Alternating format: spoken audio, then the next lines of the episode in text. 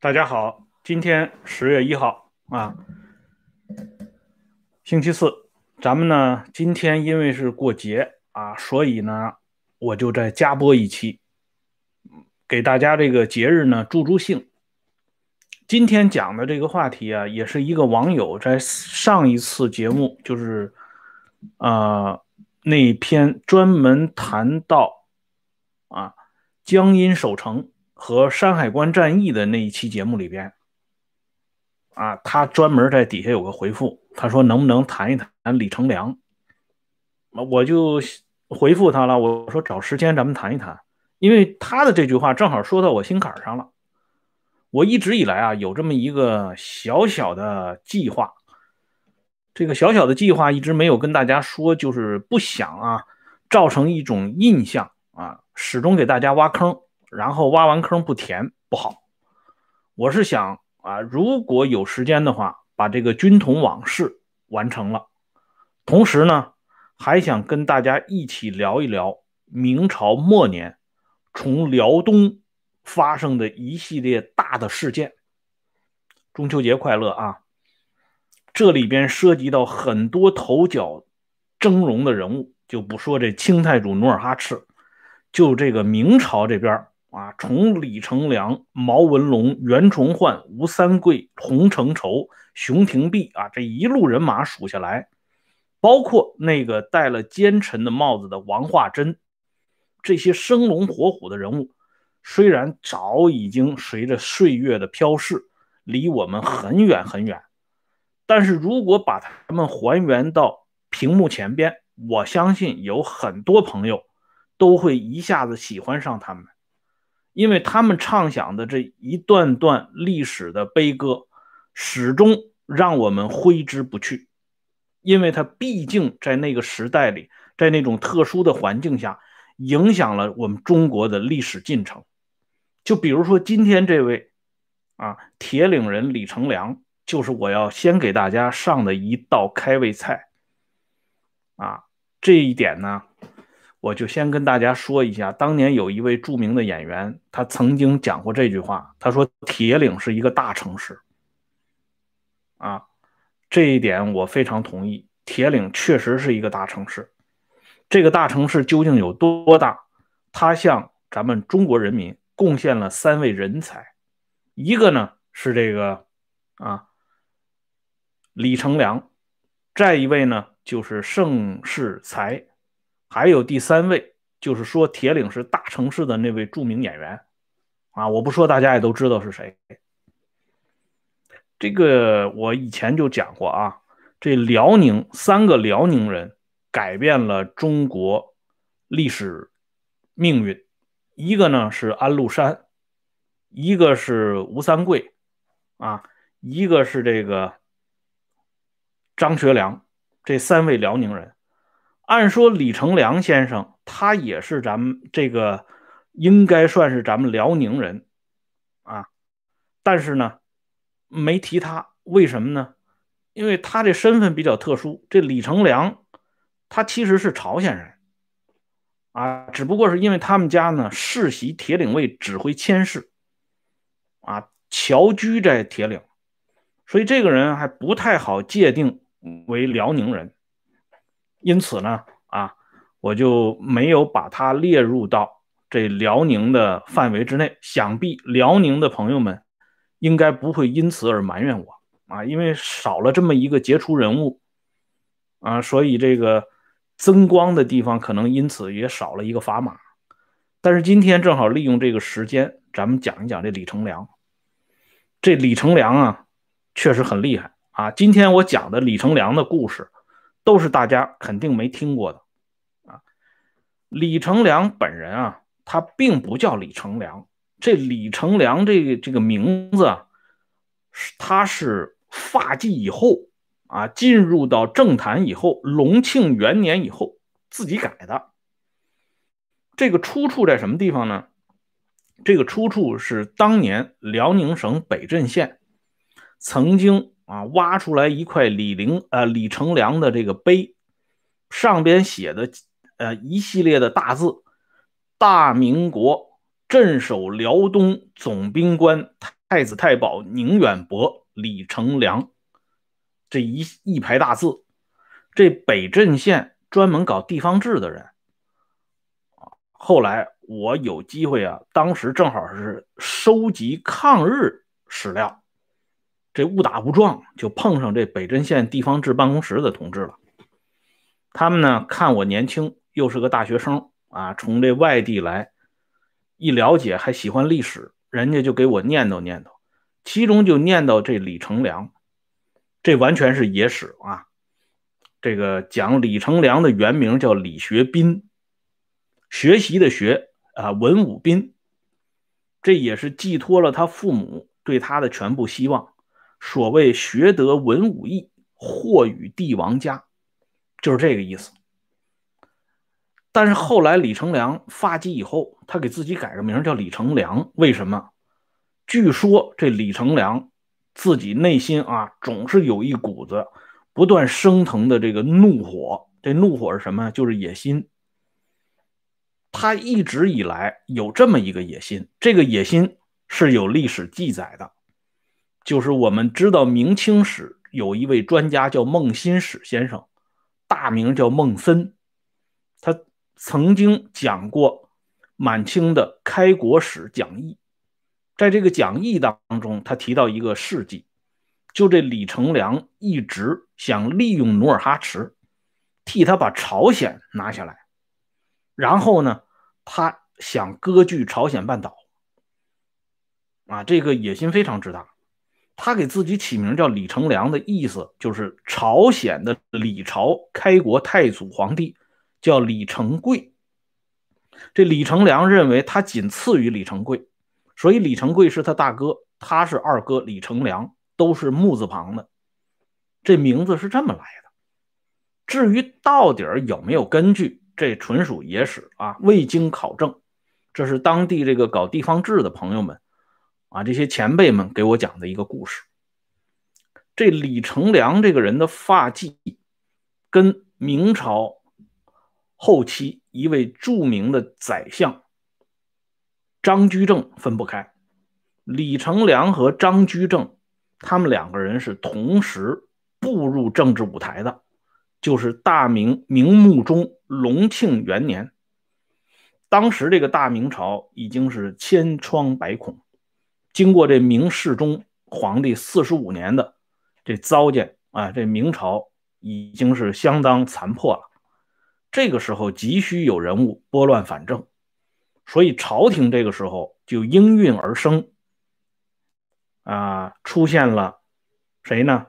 张居正、高拱，所谓龙万大改革的领军人物，尤其是这高拱。那个时候，张居正还在高拱的后边排着。而在张居正主持中央日常工作之后，他挖掘了一系列的名将，最有名的是五个人呢。这五虎大将啊，于大猷、戚继光、李成梁。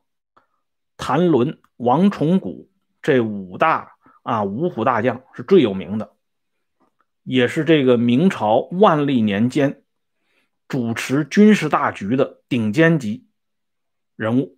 这李成梁与有荣焉啊，他在这五个人里边算是有一号。这个人最大的力度就在于他和戚继光分守蓟镇和辽东，戚继光守蓟镇。啊，就是河北、天津这一带，而李成梁在辽东设防，打败了很多入侵的外来侵略者。这李成梁家里，刚才咱们有朋友啊，已经把这个网上搜到的内容给大家发上来了。他这五个儿子啊，这我就不给大家一一念了，因为能看到如松、如柏、如真、如张、如梅。还有四个侄子，啊，这叫主子，号称李家九虎。当时的说法啊，当地北镇当地的人叫五虎四郎，是这么叫的。啊，这李家九虎将，这应该是网上传的这个。哎，五虎四郎这是很厉害的，赶上这个杨家将这七狼八虎了。但是杨家将呢是传说，可是这李家将是实实在在的啊英雄。特别是他有一个儿子，曾经在共同与朝鲜并肩作战、击退日本丰臣秀吉这个入侵的过程当中，名扬海外。啊，这李成梁父子很厉害。早年大家看过陈嘉林拍过的一部电视连续剧，叫《努尔哈赤》，那里边呢就演过李成梁和他的儿子李如珍。啊，那李如珍呢，演的就是属于那种浪荡公子的样子。其实李如珍这个人打仗还挺厉害的，只不过那里呢把他丑化了。这李成梁曾经啊，这传说当中跟这个努尔哈赤还有这么一段这个非常粉艳的这种啊小故事，这是流传很久的老憨王啊和李总兵的这么一段感情纠葛。啊，不是说老憨王直接跟李成梁有感情纠葛啊，他们俩谁也不喜欢谁啊，这个肯定是没问题的。是当时李成梁有一个小老婆，而努尔哈赤呢，确实在李成梁手下工作过一段时间。这努尔哈赤的呃作风啊，还有他的能力，受到这李成梁的小老婆的关注。这李成梁的小老婆呢？姓谭，这姓谭的小老婆经常跟李成梁探讨军事上的得失，这也属于入幕之宾啊，属于这佘佘赛花一流的人物，佘太君一流的人物。所以这个小老婆就发现这个努尔哈赤这个人很有本事，他就曾经跟李成梁透露过，说这个年轻人啊，值得栽培。李成梁根本看不上努尔哈赤。那个时候，他说他有什么本事啊？哎，这小老婆说不一样，这人有本事啊！怎么样？怎么样？给描述一番。李成梁就是不相信。后来这小老婆就跟李成梁讲，说努尔哈赤这个人，你要是不用，你也不能给他留下来啊，必须得把他搞掉，否则的话，这将来必成辽东大患呢。这李成梁也不把他搞掉。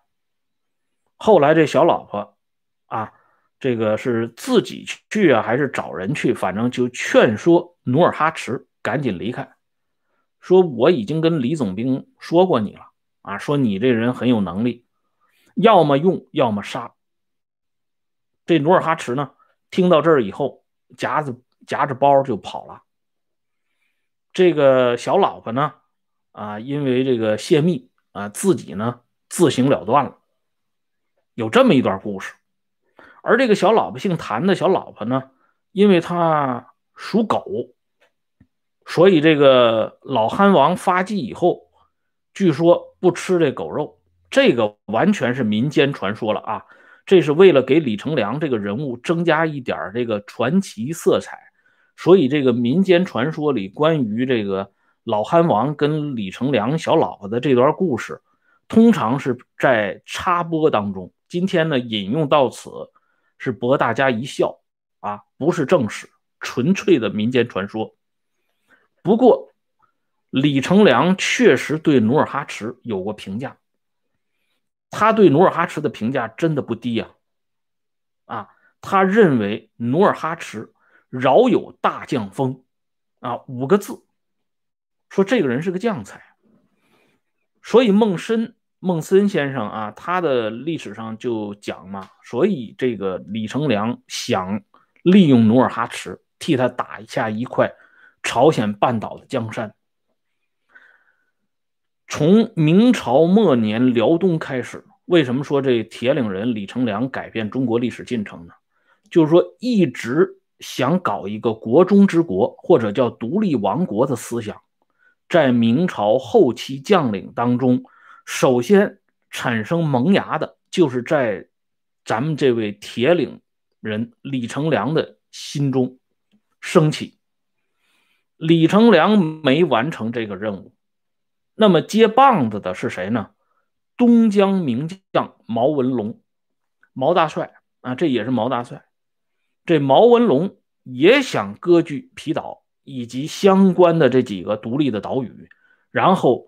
介乎于后金、朝鲜和明朝之间，在三个鸡蛋上学跳舞，跟阎锡山一样啊，自己搞一个独立小王国。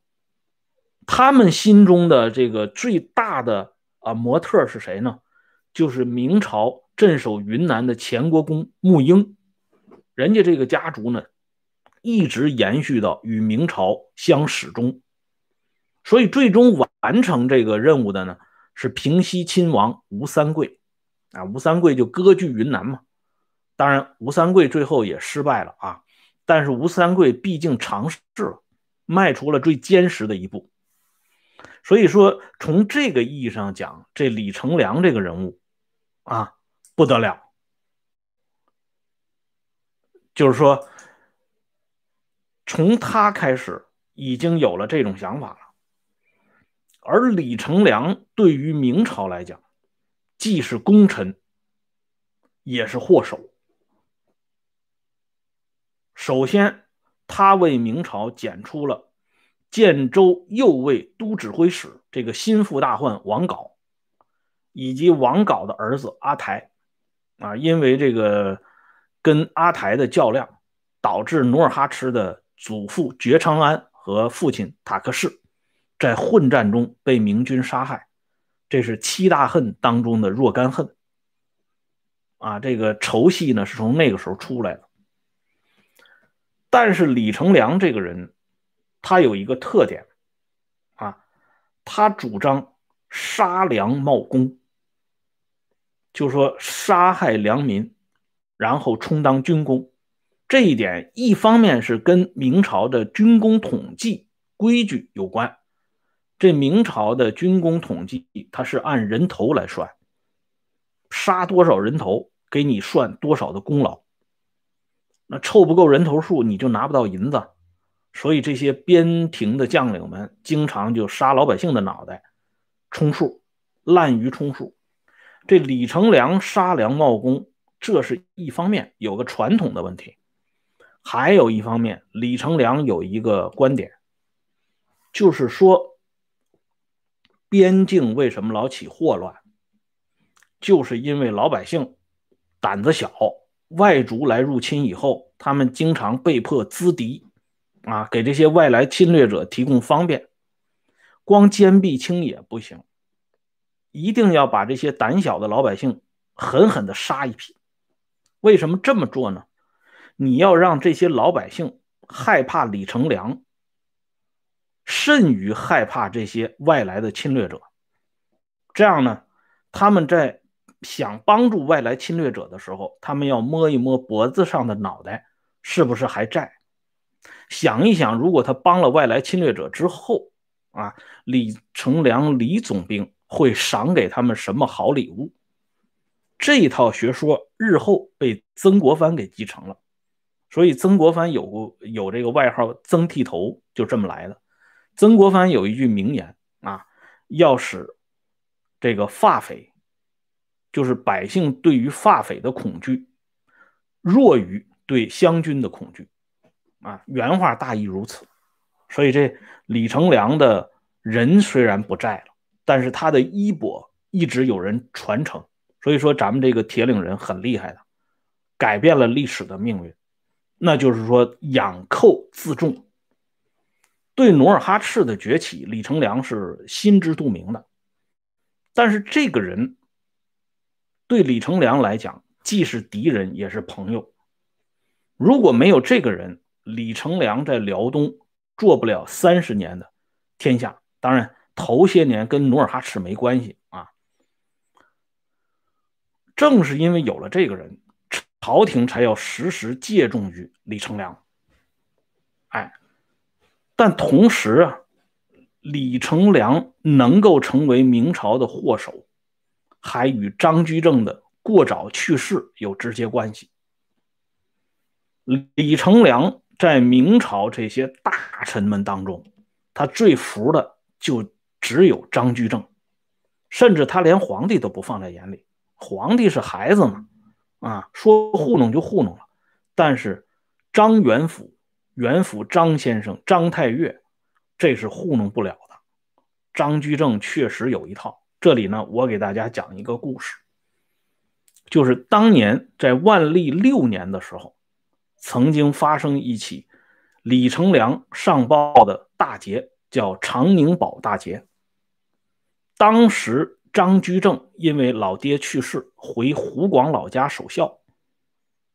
哎，张居正不在朝中，这李成梁报捷。万历皇帝那个时候才十六岁啊，他是小青年，根本就不懂啊啊！所以呢，万历皇帝就马上给予李成梁极高倍的奖赏，还告了太庙了。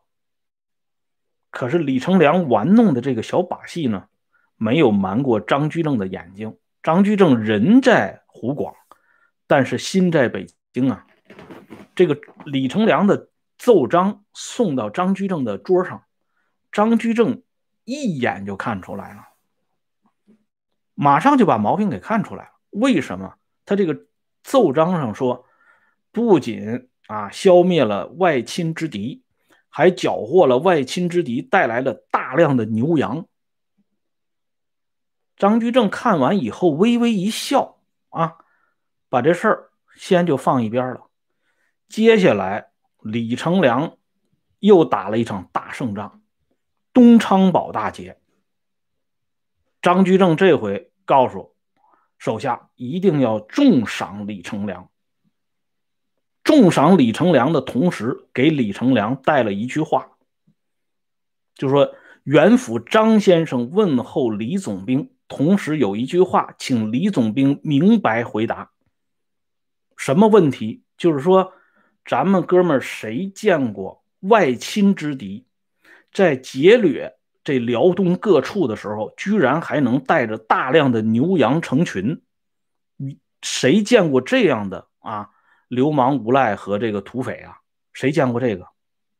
没人见过。那你李成梁的这些牛羊成群从哪儿来的呢？就这一句话，李成梁当场汗如雨下。傻了，他没想到张居正千里之外那双眼睛，直接就照到他的心肠肺腑当中啊！所以从此最服的就是袁府张先生。中张居正在世，李成梁没有再给张居正玩过任何猫腻儿。凡是张居正交办的事情，李成梁不折不扣的执行。可是张居正去了之后，没人再能驾驭这骄兵悍将李成梁了，再加上他久任边疆，这个人权力越来越大，勾结镇守太监高怀，勾结辽东巡抚赵基，形成三个人狼狈为奸的局势。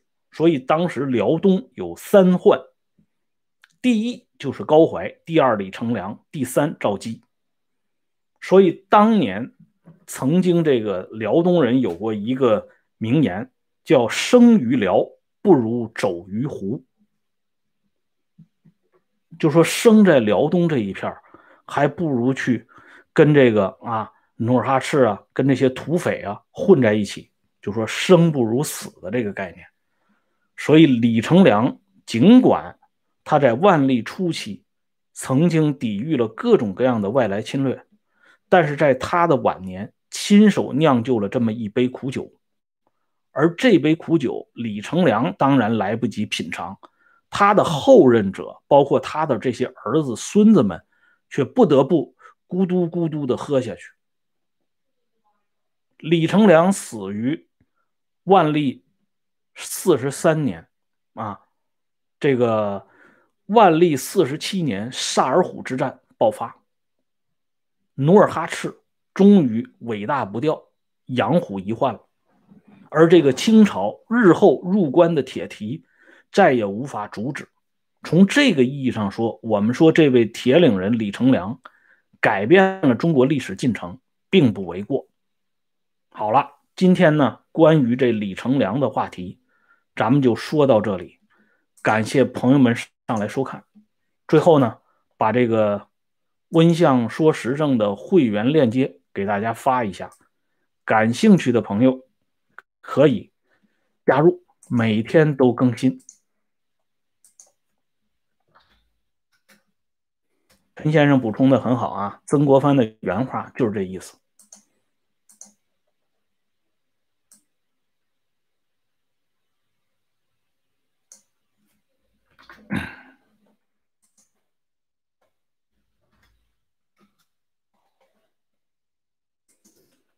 下一期这个辽东的话题呢，我们讲一下大明都师袁崇焕啊，这个历史人物呢，也值得我们回头来看一看。